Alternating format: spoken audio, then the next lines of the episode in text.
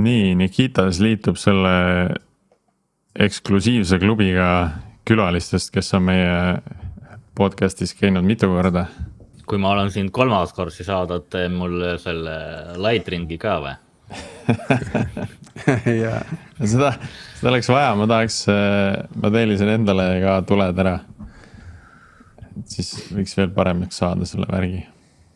Kus sa need tuled paned endale? ma ei tea, monitori külge panen, sinna taha. oota, millist? siis ikkagi monitorile tellisid tuled, mitte endale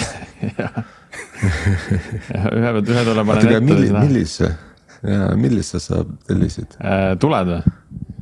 jah ma põhimõtteliselt guugeldasin nagu top äh, webcam LED lights ja siis võtsin sealt nagu mm. mingi editors piki lihtsalt esimese. Sest äh, ma nägin äh,, Andres Kütt äh, küsis ka. ja, ja ma nägin neid Elgato tulesid, aga ma ostsin ikka odavamad, ma ostsin sellised viiekümne euroga sai kaks tükki et need, mida, mida see, mida seal soovitas Meelis Lang, need olid vist mhm. sada kolmkümmend euri tükk. Need olid päris ägedad.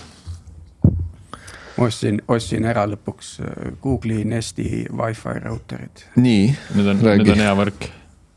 Ei no, tulevad alles aga jah, mesh, mesh peaks olema see. aga miks sa seda nanot, et... nanot ei ostnud või, või sorry, mitte nano, Eero Aerot, ma vaatasin seda review sid ja kuigi Aero toetab wifi kuute, siis äh, all in all äh, nagu kaks korda kallimad olid põhimõtteliselt mm. see pakk. sa mõtled Aero see Pro, Pro.? jah, ja Aero ah. see kolmsada, mis oli, see sai suht hävitava hinnangu. jah, jah, aga siis on veel see mm, Amplifier äh,. midagi on jah äh,, mingisugust kahekümnenda aasta review artiklit lugesin, siis vaatasin, et äh, kodukasutuses quality versus hind, et siis see peaks olema nagu okei okay.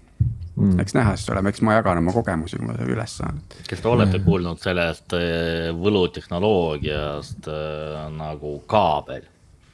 ja ma praegu elan selle võlutehnoloogia peal, seepärast et et kõik mingisugused trendneti jura siin äh, betoon, raudarmatuuri täisseintega majas lihtsalt täiesti lihtsalt kukkus pikali nagu absoluutselt ei, ei lendanud et mm -hmm. siis, siis äh, mul olid mingid vanad äh, Airport Expressid, panin need käima, aga noh.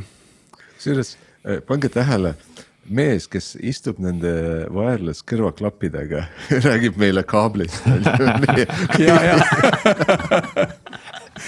see on jah. mul on kõige olulisem kaabel, võrgukaabel ja need kõrvaklapid on selles mõttes toredad, et teed ühe koosoleku, siis paned ühe laadima ja siis räägid ühe kõrvaga senikaua, kui teine laeb, siis vahetad. no ei tea, mul ikka mitu koosolekut päevas saan ühe la laadimisega hakkama. sa oled äh, Tiit väikse kruvikeeraja ostnud, teed lahti, vahetad ära need akud sealt seest. ei tea jah, mulle tundub, et on midagi ERR-isse visanud siis. aga muidu on jah, need nööbid on ikka toredad asjad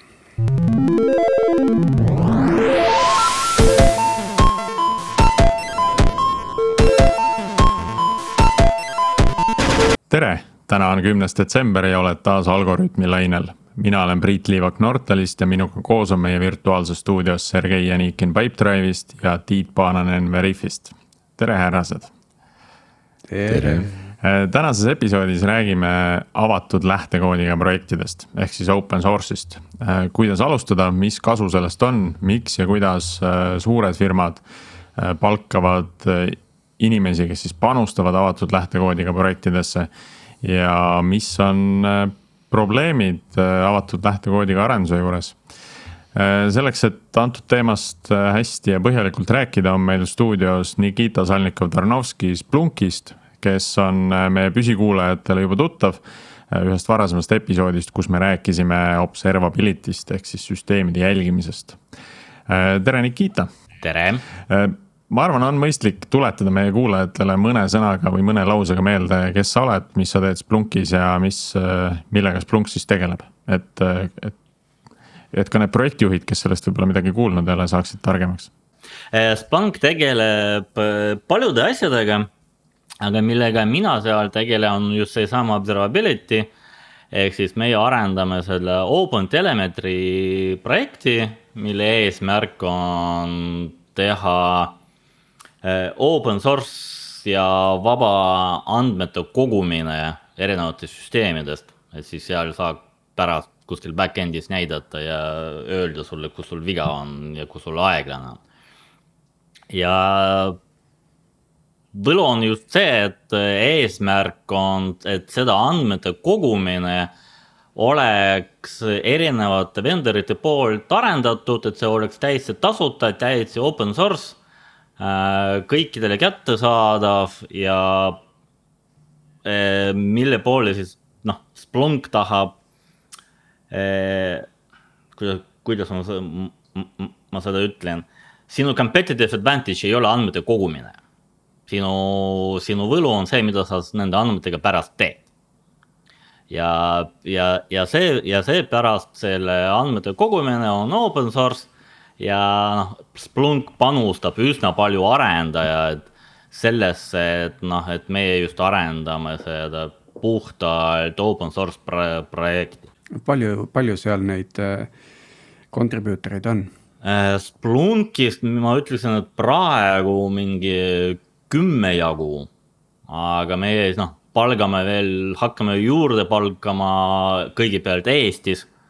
Eh, siis noh, sellest veel ilmselt täna räägime ka, siis see, see meeskond aina kasvab see on eh, kõva sõna, kui selline suur, suur ettevõte hakkab eh, Eestisse oma arenduskeskust kasvatama. ja noh, sõltub inimestest, kui, kui on näha, et siin on head inimesed ja siin on head inimesi veel juurde võtta, siis miks mitte mm. -hmm olgu, aga täna räägime open source äh, projektidest ja hakkaks võib-olla sealt pihta, et äh, mis, äh, mis iseloomustab avatud lähtekoodiga projekte. Kui siis jätta kõrvale see, et nende lähtekood on avalik.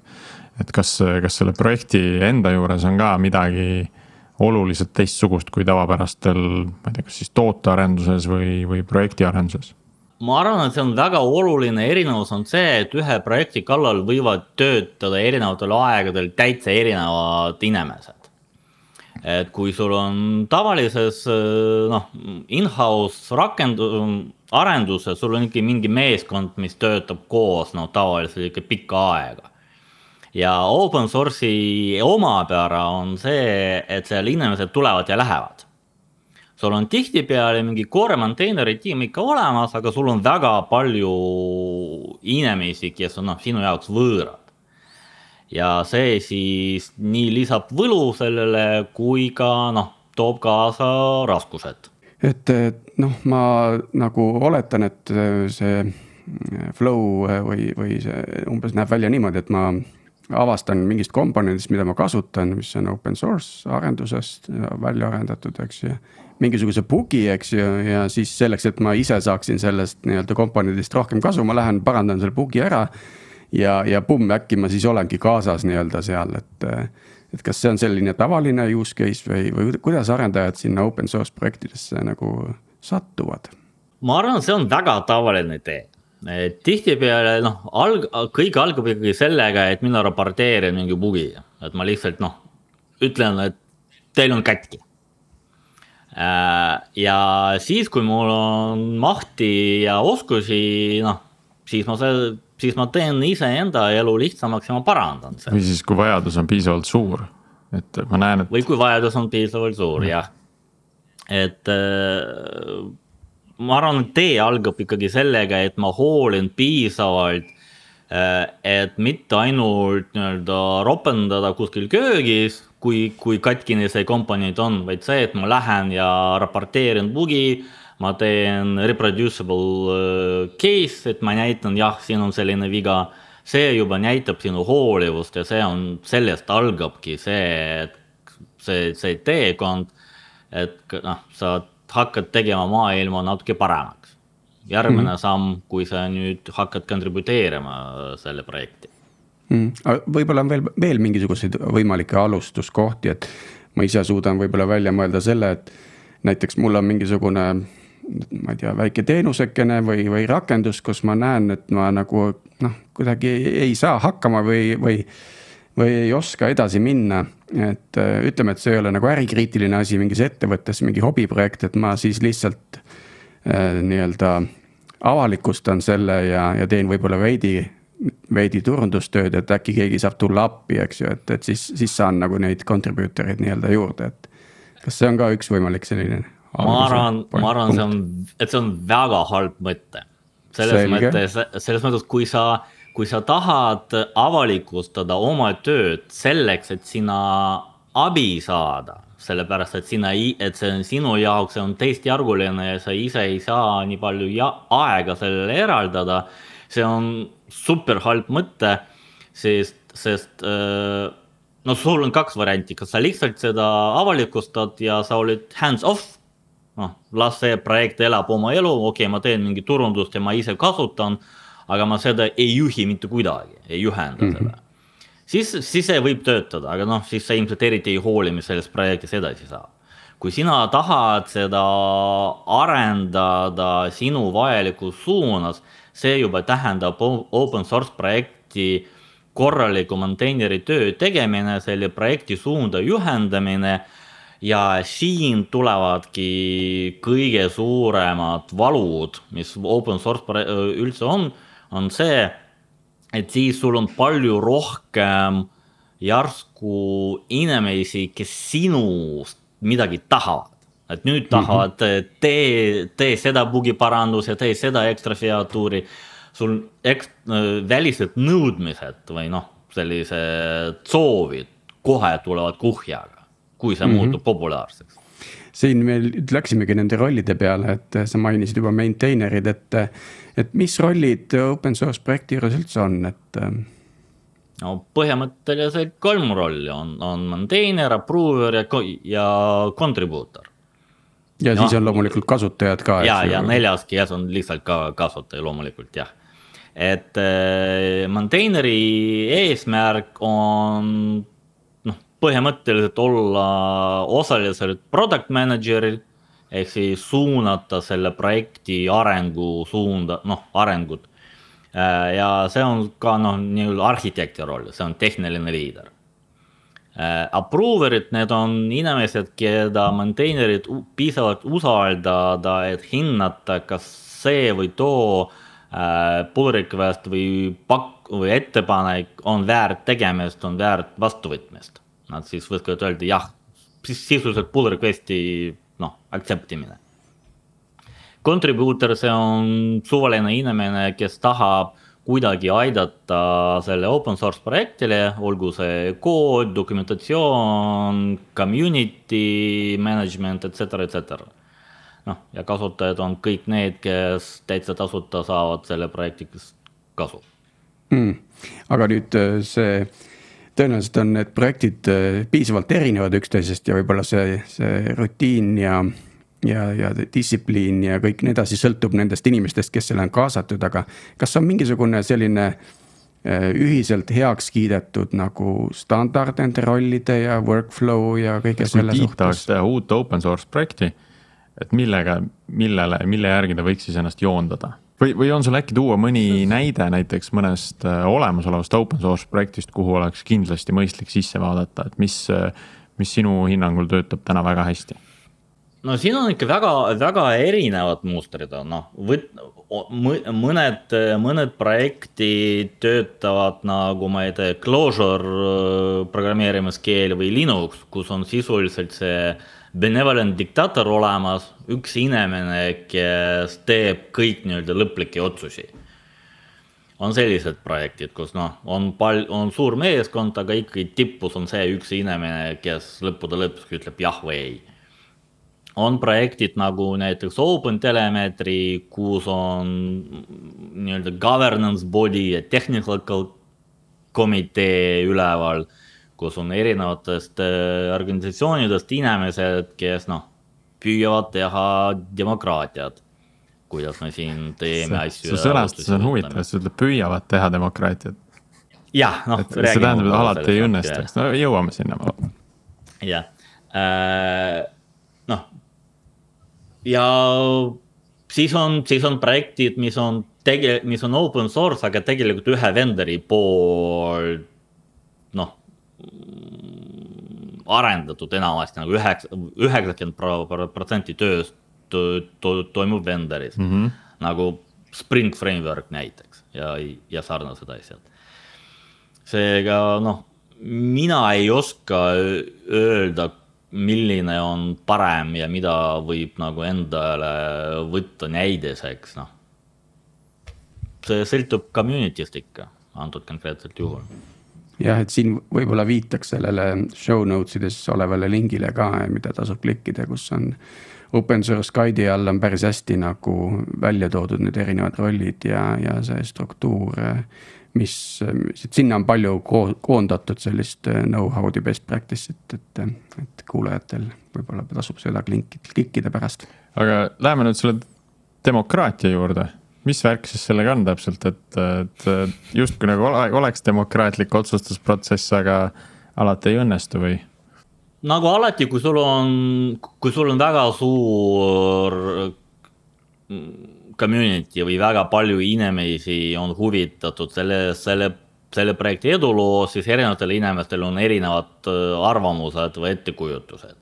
ja samuti nagu poliitikas meil on erinevad äh, parteid, kellel on oma nii-öelda kava, siis ka sellistes suurtes projektides võib olla erinevad äh, vendorid, kellel on ka oma, oma kava.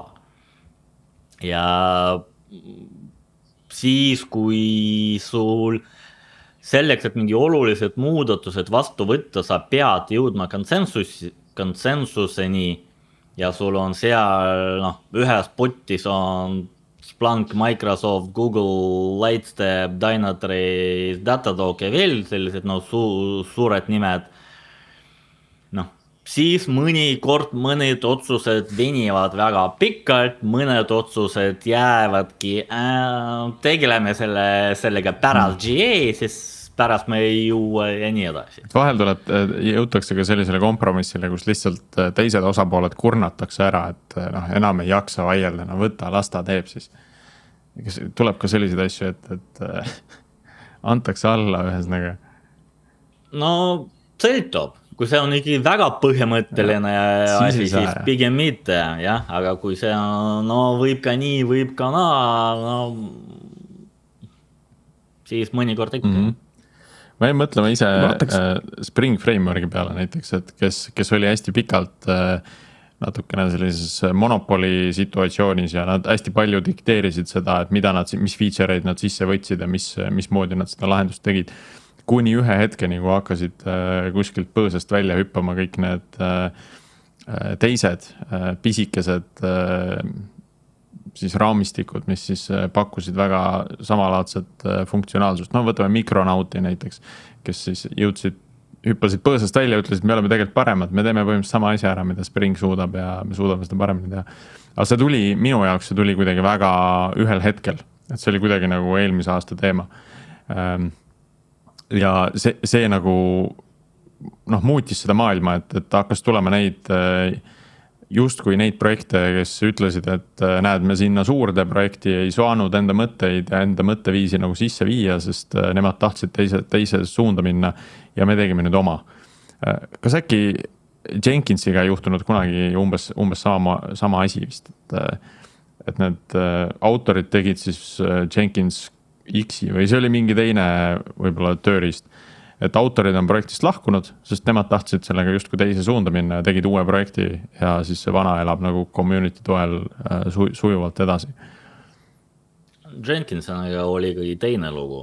Äh, ja ma praegu ei usu, et mingi et selle Springi projekti see peaarhitekt Jürgen praegu kuidagi hakkab oma otsuseid tegema teistmoodi, sellepärast et nüüd ei, seal või Quarkus väljas, jah mm.. või võib-olla seda, sellist avenue'd veel külastaks, et, et äh, minu meelest, äh, kas mitte Redash ei olnud alguses äh, täiesti open source projekt, millest siis kasvas välja nii-öelda cloud offering, et sa said oma Redash instance'i nende juures host ida ja. ja nüüd eelmisel aastal tegelikult osteti Redash Databricksi poolt üldse tervikuna ära, et. mis, mis sa mõtled sellele täiesti open source projekt? Et no ühesõnaga noh, mina puutusin seal kokku kuskil kaks tuhat neliteist, siis äh, neid contributor'id oli sealt ikka igast sorti vendasid ja. ja noh, kogu, kogu projekti haldamine paistis väga palju välja kui open source äh, projekt, äh, mida üks vend vedas põhimõtteliselt. Afir, Akir ühesõnaga ja, ja siis, siis tema tegi sinna kõrvale siis oma ettevõtte, kes siis hakkas nii-öelda seda müüma nii-öelda hosting teenusena. aga sa said endiselt kogu stack'i endale deploy da oma Dockeri instance'isse ja, ja nii-öelda run ida seda vabavaraliselt selles mõttes, et ei pidanud midagi tasuma selle eest, et. ja niimoodi see tegelikult toimub siiamaani mm. -hmm. Aga... see on, see on kindlasti üks viis, kuidas open source'i monetiseer-, noh, see rahaks konvertida. on, teed populaarse projekti ja siis hakkad selle kõrval pakkuma kas lisateenust äh, nagu näiteks hosting või Gradle Enterprise äh, või siis consulting'u nagu ka Spring kunagi tegi. meil on siin äh, üks teine huvitav näide on MongoDB kes alustas ka täiesti open source projektina. Siiamaani on ta open source, aga tema litsents on kahjuks selline, mis äh, paljudel ei võimalda selle kasutamist. litsentsiks nimelt on AGPL, mis, mis tähendab, et kui sa kasutad MongoDB-d oma projektis, siis sa pead oma projekti ka open source'iks tegema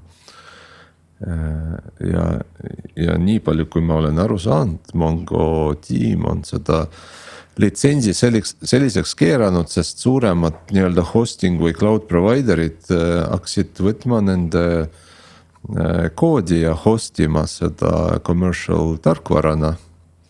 võib äh, ja, ja siis nemad tahtsid sellele lõpu teha, aga selle, selle litsentsi ühesõnaga see litsentsi mm, probleem on, probleem on see, et, et nad küll ütlevad, et te võite kasutada, sest te ei kasuta Mongot, te kasutate Mongo driver eid ja see, et Mongo andmebaas kuskil on, noh, et kui te seda ei modifitseeri, eh, siis te ei pea ka oma projekti eh, või eh, lahti või open source'iks keerama.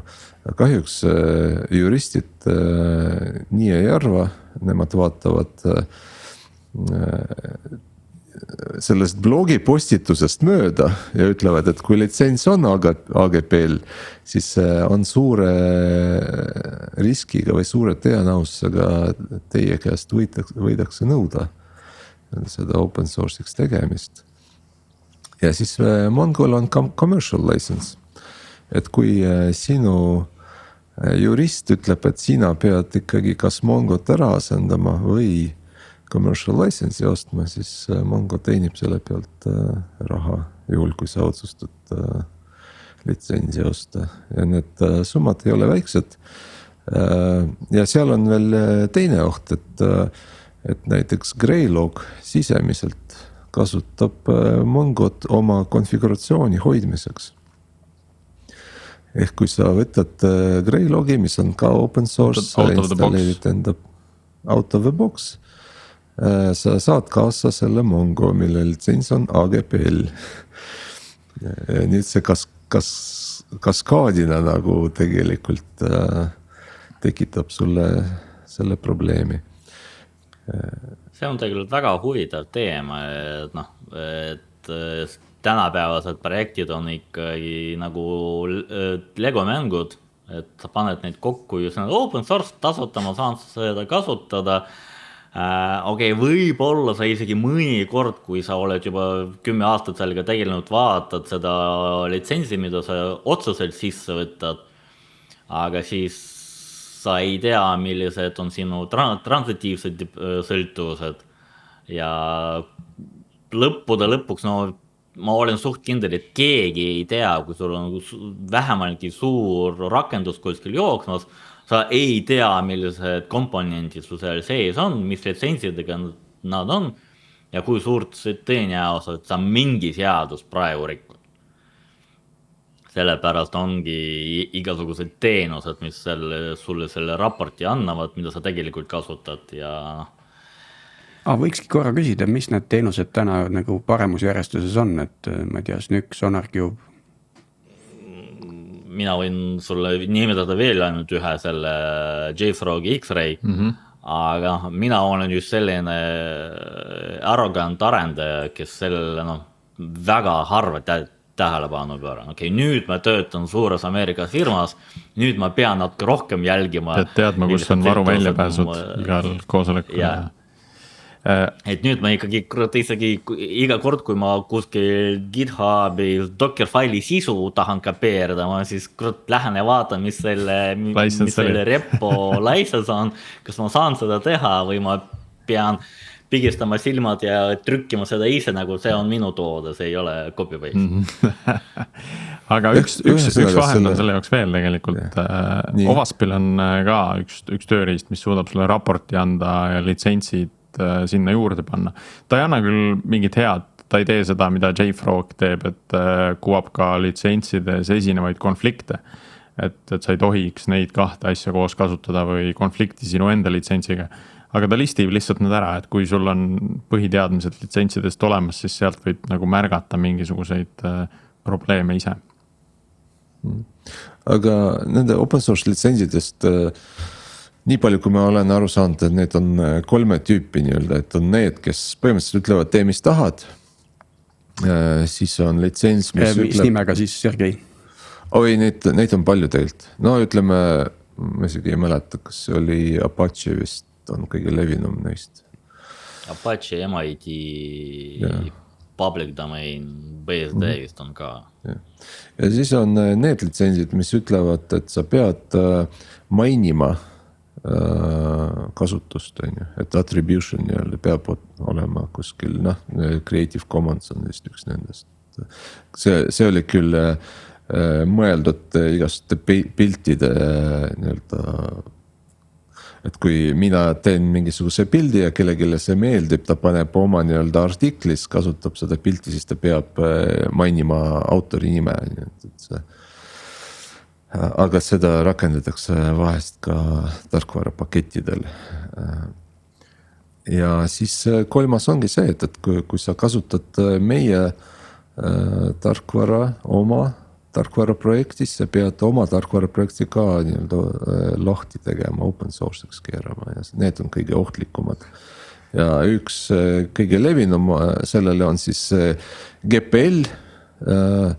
aga selle GPL-i Äh, üks osa oli see, et kui sa nii-öelda äh, äh, distributeerid ehk äh, jaotad oma tarkvara äh,.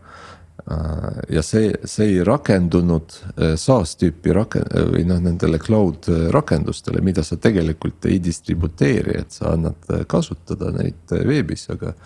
ja siis mõeldi välja AGPL, mis, kus täpsustati, et sõltumata sellest, mis su distributsioonimudel on Äh, kas cloud või, või siis installatsioon arvutisse, sa pead ikkagi äh, äh, tegema open source'iks oma projekti. mis litsentsi taga Open Elementary on? Apache license mm. -hmm.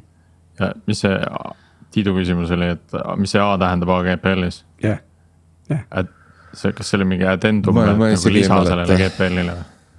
äkki jah?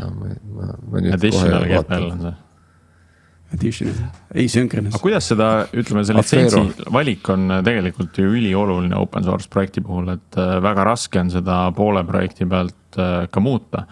ma tean, on, on projekt iText oli vist üks, kes, kes on seda muutnud poole projekti pealt, et nad olid aastani kaks tuhat seitse äkki olid open source, üsna open source'i avatud ja hiljem noh, nad panid poe kinni, sisuliselt ütlesid, et nüüd me ainult müüme enda tarkvara ja, ja muutsid oma litsentsi ära, et äh, väga palju pahameelt tekitas. aga samas äh, mitmed kliendid ei saanud sellest ka mööda. ja oli ka mitmeid kliente, kes kasutavad siiamaani tõenäoliselt seda vana versiooni, sellepärast et see on endiselt äh, justkui open source, aga võib-olla suurte turvavigade ja muude probleemidega. et mida sina, Nikita, soovitaksid, et kui nüüd Tiit hakkab tegema open source projekti siis äh, kuidas seda litsentsi valida, et kas, kas on üldse nagu mingit äh, mõistlikku ülevaadet nendest äh, olemas või lihtsalt mine turvalise Apache'iga ja rahu majas? ei, mina ütlen, et kui see on sinu jaoks oluline, siis mine ja räägi juristiga. kui see on sinu jaoks ei ole oluline, siis noh, ma ei tea, sul on kaks võimalust, kas sina oled äh, Stallmani fänn ja tahad olla selline agressiivne open source, siis sa teed GPL-i mm. -hmm. kui sa ikkagi mõtled inimestest, kes tahavad seda kasutada äriprojektides ka, noh. hoolid arendajatest. jah, ilmselt, jah, siis ilmselt Apache. aga noh, ära võta minu, minu nõuanne, mine räägi juristiga, kui see on sinu jaoks oluline mm. -hmm. Aga ma tahan siin tulla ühe teemale, mida Priit just nagu mainis Äh, et see tekitas pahameelt kasutajates, et ük-, äh, kui me just räägime open source'i valudest ja eri, ja eriti nendest valudest, mida nagu mina nagu open source'i projekti maintainer tunnen või see, kes seda igapäevaselt sellega tegeleb, on see, et väga paljud kasutajad tegelikult arvavad, et kui kui nemad saavad seda tasuta ja mina töötan selle kallal, siis mina pean ka tasuta nende nagu mm, küsimusi vastata, nende soovi täitma. ja see on ikkagi, see on üks asi ja kiiresti ka loomulikult, et noh, meil, meie kasutame seda sinu open source library meie ärikriitilises tarkvaras meie te, teile loomulikult ei maksa, aga meil on ülehomme reliis ja meil seda bugi on vaja kindlasti parandada, tehke kiiresti ära. et see on, see on üks nendest asjadest, mida kindlasti peab meeles pidama, kui, kui arendaja tahab üsna palju tegeleda open source'iga ja veel hullem, kui ta just tahab mm, oma, oma tööd nii-öelda avada ja maailmale pakkuda siis noh, see entitlement tunne, mis kohe tuleb sealt, see on ikkagi tohutu. peab mm. arvestama, et sa ei saa olla open source maintainer, kui sa ei oska ei öelda. Ja, ju... kas seda ei, mitte ei saaks kuidagi sellise code of conduct'iga nagu juhtida, et kui meil on nagu open source projekt, siis seal on mingisugused nii-öelda Äh, kohustuslikud asjad, noh, ma ei tea, litsents nagu sai juba räägitud, eks ju, võib-olla on seal mingisugune protsessi kirjeldus, äh, rolli kirjeldus. no selles mõttes sa praegu pakkusid, et lahendame inimese probleemi dokumentatsiooniga. kas see töötab? Ei. ilmselt mitte väga hästi. keegi ei loe, kes loevad, arvavad, et see nende, nende juhtum on ikka eriline meil on ju ärekriitiline, noh, sa pead seda tegema ja nii edasi ja nii edasi mm. -hmm. sul ikka peavad olema head närvid, äh, noh, paks nahk. kas sa oled mõne ähvarduskirjaga saanud või? Õnneks veel mitte. kas see tähendab, et sa pead seda anonüümselt tegema? Ma mõtlen äh, tegelema open source projektidega. Äh, siin, äh, siin on just teine väga hu huvitav aspekt, et miks inimesed just selle open source'iga tegelevad ja aktiivselt. ja mina arvan, see on üsna oluline aspekt on see, et see, see on väga hea brändi kasvatamise viis. et ikkagi noh väga paljud inimesed on praegu arendusmaailmas tuntud ja respekteeritud sellepärast, et nemad väga palju panustavad nende projektidesse, mida peaaegu kõik ka kasutavad. et see on ja, ja see on väga hea võimalus nii nii-öelda isikliku brändi kasvatamiseks nagu noh, oma, kuidas öelda, peer network'is et noh, sinu kolleegid üle maailma sind tea, te, teavad. samas, kui me võtame just näiteks seda projekti, OpenTelemetri, kus ma igapäevaselt töötan, ma seal iga päev töötan inimestega teistest suurtest firmadest. mis siis tähendab, et kui ma mitu aastat pärast jälle hakkan oma järgmise töökohta otsida, siis mul on juba need inimesed olemas, kes teavad mind, keda tean mina ja noh, järgmise töökohta leida on just palju lihtsam mm, -hmm. siis sa juba tead inimesi, nemad teavad sind. see, siis see brändi kasvatu, kasvatamine tööandjate seas on ka väga oluline aspekt, miks üldse open source'i minna. siis sellist aliast kasutada võib-olla ei olegi väga hea. mis, sorry, Priit. ja jätka, Tiit, sorry kas on mingisuguseid teenuseid, mis nii-öelda konsolideerivad su kontributsiooni, et sa ei pea seda nagu eraldi kuskil välja tooma või, või et noh, ühesõnaga automaatselt saaks kuidagi mõõta seda, seda, kuidas, kui palju sa no. oled panustanud? jaa, GitHub profile page mm, -hmm. üks kõige lihtsam teenus. ja siit me lähemegi tegelikult selle juurde, et GitHub on the, the place nii-öelda kus no, open source juhtub või? samas neid open source contribution eid on ju rohkemgi veel. Et üks asi on ainult yeah. see kood ja, ja issue'd, mida ma sinna login. aga on ju ka noh, ma ei tea, Kubernetesel on ju erinevad working group'id, mis tegelevad äh, nagu dokumentatsiooniga ja, ja sisulise töö ja analüüsiga kuskil tagatubades, mitte ilmtingimata GitHubis.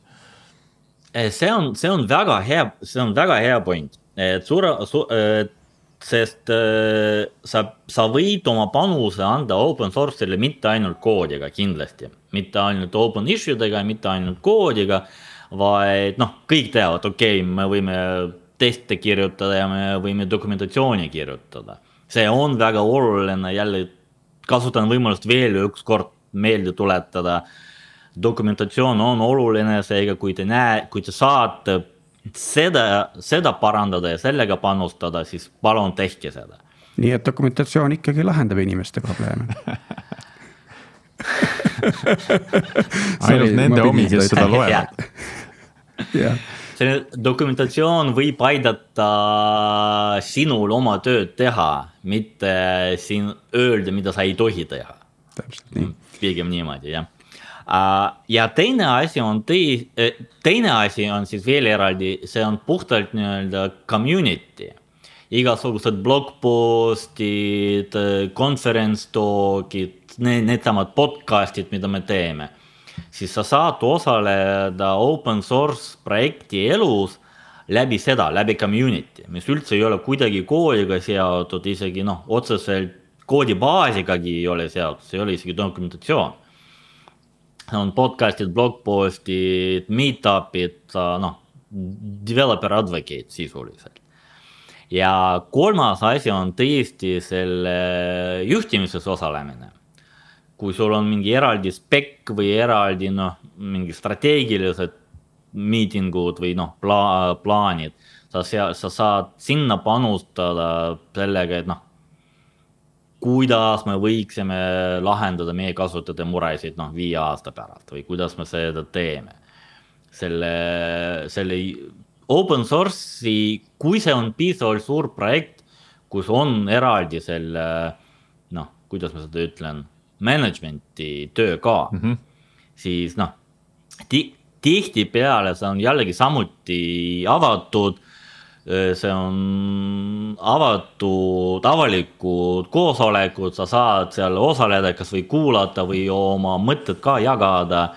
see on tihtipeale juhtub ka GitHubis issue sid selle, selle kohta, noh, OpenTelemetris näiteks on eraldi community repo, kus just arutletakse sellised community'ga seotud küsimused, on eraldi specification repo, kus on ju specification'i issue'd arutletakse et siis see on ka väga hea võimalus nii brändi kasvatamiseks kui ka projekti aitamiseks. mis ei ole, noh, isegi on, noh, sobib projektijuhtidele, analüütikutele, open source ei ole ainult arendajate parusmaa, seal võib maailma teha paremaks ja enda karjääri edeneda ka mittetehnilised inimesed mm. -hmm. nii, aga nüüd võtmeküsimus, et kust need projektid üles leida? kuidas äh, nagu tuvastada see, kuidas noh, kõik maailma valla, eks ole, ja neid, neid projekte on väga palju, et. Äh, kui nüüd meie kuulajatel tekib huvi, et hirmsasti tahaks nüüd panustada kuskile, aga kuhu vaata ei tea äh, see on tegelikult väga lihtne küsimus ju, et sa vaatad oma igapäevase töö või oma igapäevase huvid. et millega sina oled juba tegelemas praegu? ma arvasin, et see on väga lihtne küsimus, et Open Telemetrisse tuleb panustada see, eh, seda kindlasti, aga point on see, et eh, kui see, kui see ei ole sinu töö, open source'i kontributeerimine, vaid sa teed seda oma vabal valikul, siis see peaks olema selline projekt, mis sinuga nii-öelda kõneleb. Seega sa pead seda valima, kas sellepärast, et see aitab sinu igapäevase töö lihtsamaks teha, sest sa töötad selle projektiga iga päev. või see on seotud sinu hobiga, noh kui sa oled, kui sa oled muusikafänn, siis sa võid äh, mingi Raspberry Pi'ga projektiga tegeleda, sest seal kasutatakse muusika arendamiseks näiteks. Kui sa oled fotofänn, siis sa tegeled selle projektiga, mis kuidagi tegelevad pilditöötluse tarkvaraga või ma ei tea, või kosmose raadiotarkvara. ja täna neid avatud lähtekoodiga asju või noh, ütleme open source ei, ei olegi ainult ju lähtekood, et see võib ka olla open hardware et, et on ja. ka riistvaraprojekte, neid on täiesti seinast seina ka, ka näiteks äh, nii-öelda põllumajanduses või farming sektoris on, on täitsa open source asju olemas. Automatiseerimises ja, ja seadmete ehituses nagu, kus, kus siis seda Raspberry't näiteks ka kasutatakse hästi laialdaselt või isegi 3D printing meditsiiniliste vahendite jaoks, noh kui sind meditsiin või üldse inimeste tervis eh, huvitab, siis sul on ka seal võimalus. et jällegi tuleb alustada natukene sellisest sissevaatamisest ja mõelda välja, et mis, mis minu jaoks on oluline ja siis hakata alles otsima, et kuhu ma saaksin panustada. kindlasti, sest see, sa ikkagi, sa hakkad oma aega kuhugi kulutama, see peab olema sinu jaoks huvitav mm. -hmm. Mm -hmm. aga keriks tagasi korra sinna koodi juurde, et, ähm, et äh, põhimõtteliselt siis äh, Gitflow mõttes selline branch-based development koos pull request idega ja on nagu see, mis, mis äh, on tava või on seal mingeid muid äh, flow'si veel kasutusel?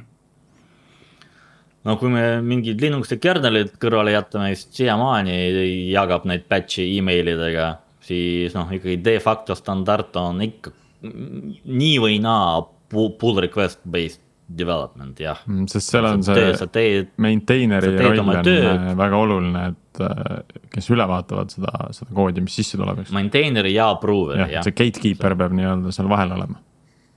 jah, kindlasti mm. -hmm. see ei ja, ole basaar ikkagi mis äh, nii-öelda repo teenus kõige paremini selleks kohaldub, GitHubi sai juba, sai juba mainitud, aga. aga on erinevad open source projektid, mis võib-olla domain spetsiifilised, mingid front-end asjad näiteks, et et.... seda ma ei oska kommenteerida, mina olen ikkagi paadunud Java fänn, mina teise maailma üldse ei vaata mm.. ja see. Priit ja Sergei, äkki saate tuua mõned näited?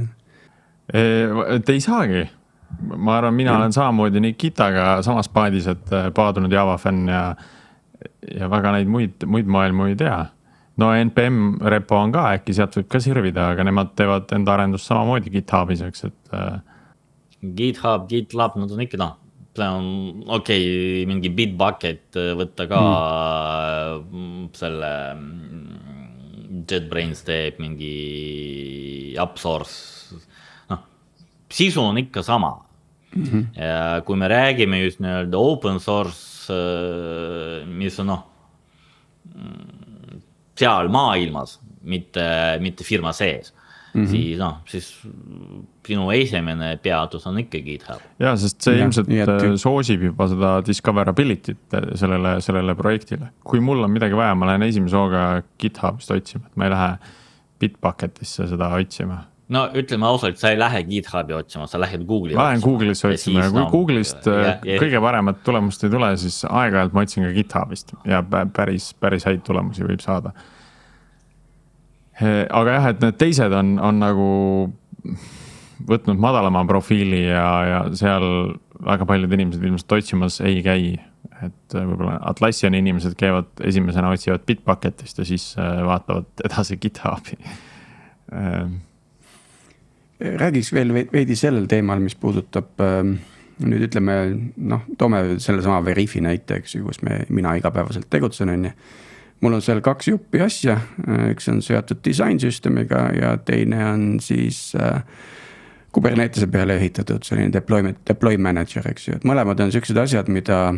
kui inimesed on seda näinud, seda, oo, ma tahaks ka seda, et kas, kas sa open source ite. Et mida nüüd nagu ettevõttes peaks siis sellega arvestama, kui, kui on konkreetne plaan oma sisemist tooling ut nagu open source ida? ma arvan, et esimene kõige olulisem asi on jällegi see et sa ei saa open source ida selleks, et oma noh, et sa lood, et nüüd sul tuleb community ja sa saad rohkem väiksema raha eest ühesõnaga omakasupüüdlik open source ei tööta ähm,?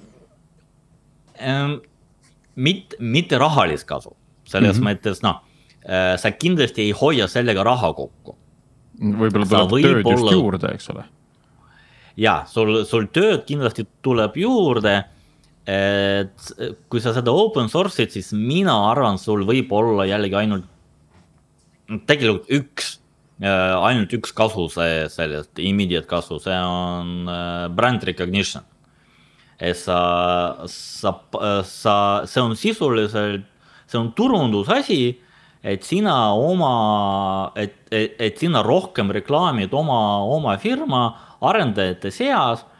Mis edasi, noh, sul juba aitab värbamise, sul aitab sellega, et kui see vahend on populaarne, sul on lihtsam inimesi leida, nad tahavad sinu juurde tulla selleks, et töötada sellel samal vahendi kallal või temaga ja nii edasi, ehk siis ma arvan, et see on noh,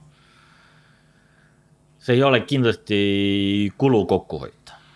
ja samas on, see avab ka võimaluse oma töötajatele nii-öelda astuda uude rolli, saada vastutust juurde, võtta see maintainer'i roll, eks ju, ja selle ja. läbi nagu kasvatada nende nii-öelda turuväärtust tervikuna, et äh, karjääri planeerimise mõttes äh, oluline punkt.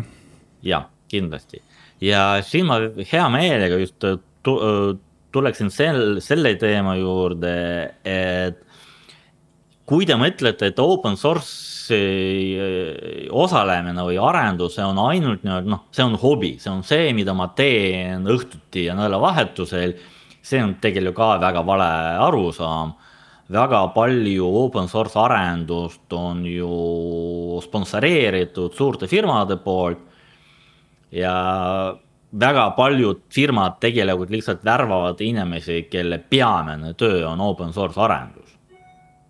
no noh, kuidas see sponsoreerimine välja näeb, et äh, mingeid vahendeid eraldatakse siis mille jaoks ja, ja kellelegi makstakse siis või, või host'id okay,, host'id event'e ja nii edasi, et. siin, siin ma tegelikult jään natuke, natuke vastusega võlgu.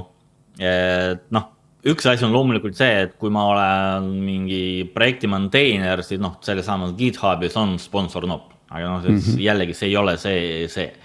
ma pigem mõtlen, ma pigem mõtlen, mõtlen ikkagi see, et kui sina tahad open source'iga raha teenida ja sa saad seda teha, siis kõigi, siis on täitsa võimalik äh, minna tööle mingi suure firma, mis palgab inimesi töötada open source'i kallal ja see on ja see võib olla ka äh, arendajate jaoks väga oluline kriteerium, kuidas oma töö, tööandjat valida.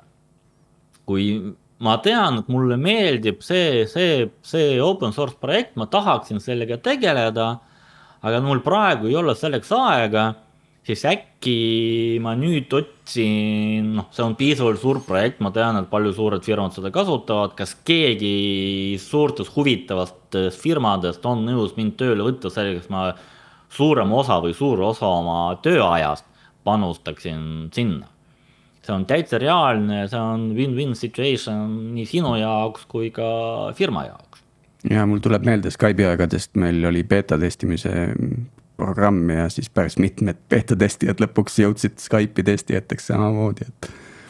jah, ka väga hea näide jah sest noh, e, ja noh, siin ma pean pra-, praegu täitsa shameless plug ima Splunki, kes praegu värbab ikkagi inimesi Eestis ka. ja suur osa meie tööst ongi see, et me töötame GitHubis, mina avan selle Splunki sises Jira mingi noh kaks korda, kaks korda nädalas heal juhul. kogu ülejäänu ajal minu töö on GitHubis open source'i kallal ja noh, see meeskond meil siin aina kasvab. ja noh, samuti ma tean, et sellest töökohti maailmas on palju, palju, palju, palju.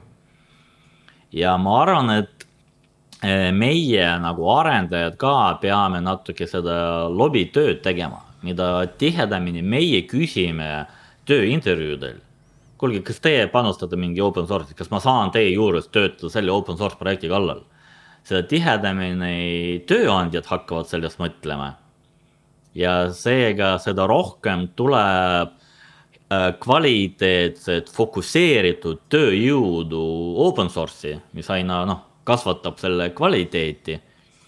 ja jällegi win-win kõikidele. üks huvitav projekt, mis mm -hmm. mul veel meelde tuleb, mis on open source, on äh, Open Electronic Identity ehk siis Eesti Electronic Identity temaatika, mida RIA vist publitseerib, OpenEID on see projekt. ja SK on vist ka teinud mitmeid arendusi, ma tean, et meil on olnud mõningaid projekte, kus arendustiim tegelikult töötab GitHubis open source projekti kallal et, et äh, sellised suured äh, olulised nii-öelda riigisüsteemid kolivad open source'iks on minu jaoks nagu väga äge. ja ma tahaks seda aina rohkem ja rohkem näha, et ka avalik sektor jõuaks nagu sinna open source'i maailma, mitte ainult siis äh, erasektor, eks.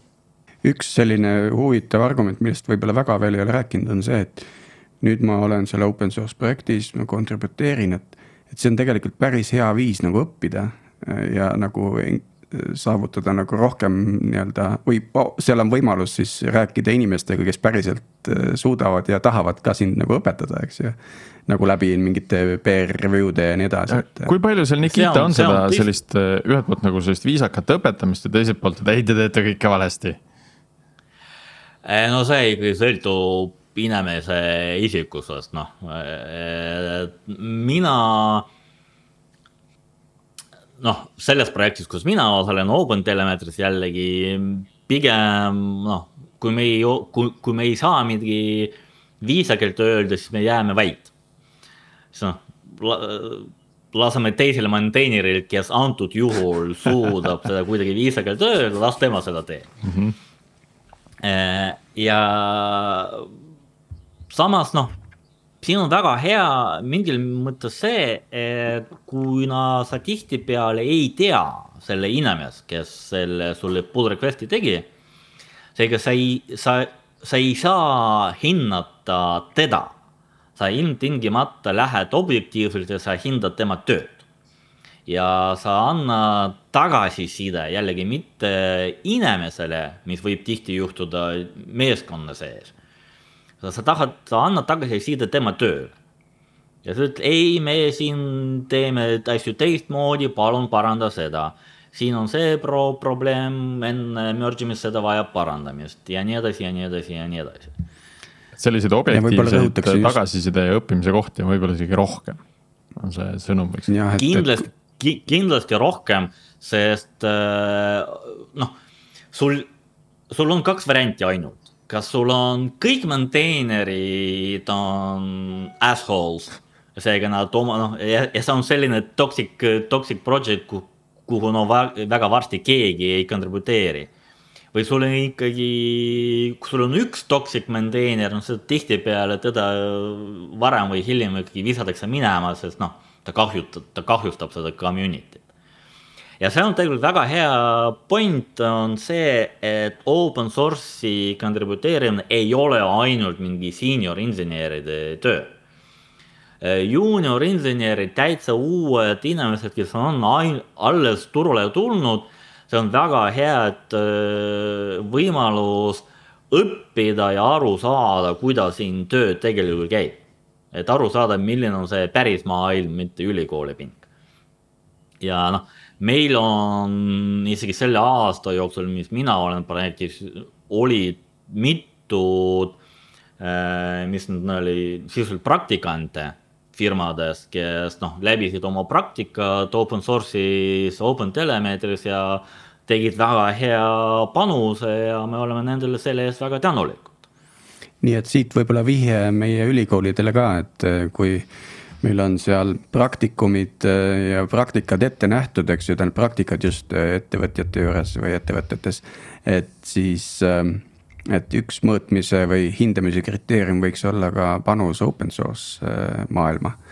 et saada seda tunnetust juba kooli ajal, et kuidas töö tulevikus välja nägema hakkab. pool praktikat peab olema open source'is miks mitte, miks mitte kohe sada protsenti praktikat, et sa ei lähegi kuhugi ettevõttesse, vaid sulle antakse yeah. lihtsalt open source projekte, öeldakse, näed, contribute'i sinna ja.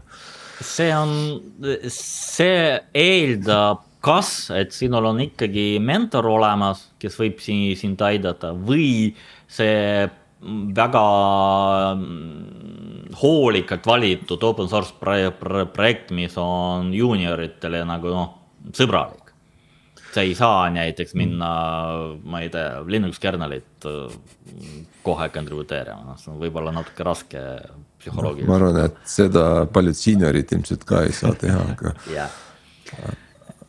aga mis see, mis su enda arvates, et nagu, kus see nagu entry level on, et, et, et kas juuniorid üldse saavad kuidagi kontributeerida, sest open source noh, need vähemalt need populaarsed äh, projektid, et äh, ma eeldan, et seal selliseid rumalaid vigu või no mingisuguseid lihtsaid ülesandeid ei olegi, et seal on enamasti see, ikkagi suht keerulised asjad, mida on vaja ära lahendada. ei ole, see, see kindlasti, see kindlasti ei ole nii. et esiteks suur, suur, paljud suured projektid juba arvestavad, et noh, et me hea oleks, kui meil oleks tööd juunior arendajatele või juunior inimestele, kes open source varem ei ole kontributeerinud. seega nendel on mingi issue'd, mis on märgitud, noh, good first issue. ja noh, nemad, nemad meelega sellega ei tegele ise, see ei ole mingi kriitiline asi see, aga see on väga hea viis, kuidas alustada. see on päris hea label, mida panna, mulle, mulle meeldib see good first issue. ja, ja et see, see on esiteks, teiseks suvalises projektis on asju, mis noh, võiks parandada, aga meil hetkel ei ole selleks aega, noh. So kasvõi selle technical depth'i umbrella pealkirjaga. noh, selliseid asju on ikkagi igas projektis kuhjaga. ja kellelgi veel hetkel ei ole aega seal mingi, ma ei tea, kompileerimisvormingut parandama. samas see võib olla hea viis, kuidas aru saada, kuidas see workflow töötab, kuidas ma teen pull request'i, kuidas ma reageerin kommentaaridele ja nii edasi et ühe sellise open source projekti hea tervise huvides on, on oluline, et tegelikult igalt tasemelt oleks neid contributor eid seal sees ähm, just sellepärast, et ka sellised väiksed asjad saaksid äh, korda. jah aga ma arvan, et see ongi hea koht, kus äh, tänasele episoodile tõmmata joon alla. Äh, öelda aitäh meie külalisele ja julgustada siis kõiki meie kuulajaid nüüd tormama sügavat sissevaadet tegema, et leida üles see open source projekt, kuhu tahaks ja võiks panustada sõltumata siis sellest, äh, mis rollis või seniority level'i peal te täna olete, äh, täna. ma si-, ma siinjuures tegelikult ütlen veel, ärge vaadake võib-olla ka sisse, vaadake oma projekti, mida teie praegu tööl tegelete. see on teie äriprojekt, vaadake, mis seal te, te, teil POM XML-is või build grad'is kirjas, millised open source library'd te kasutate ja siis rääkige oma juhiga, vaata, meil on see väga oluline, me seda kasutame.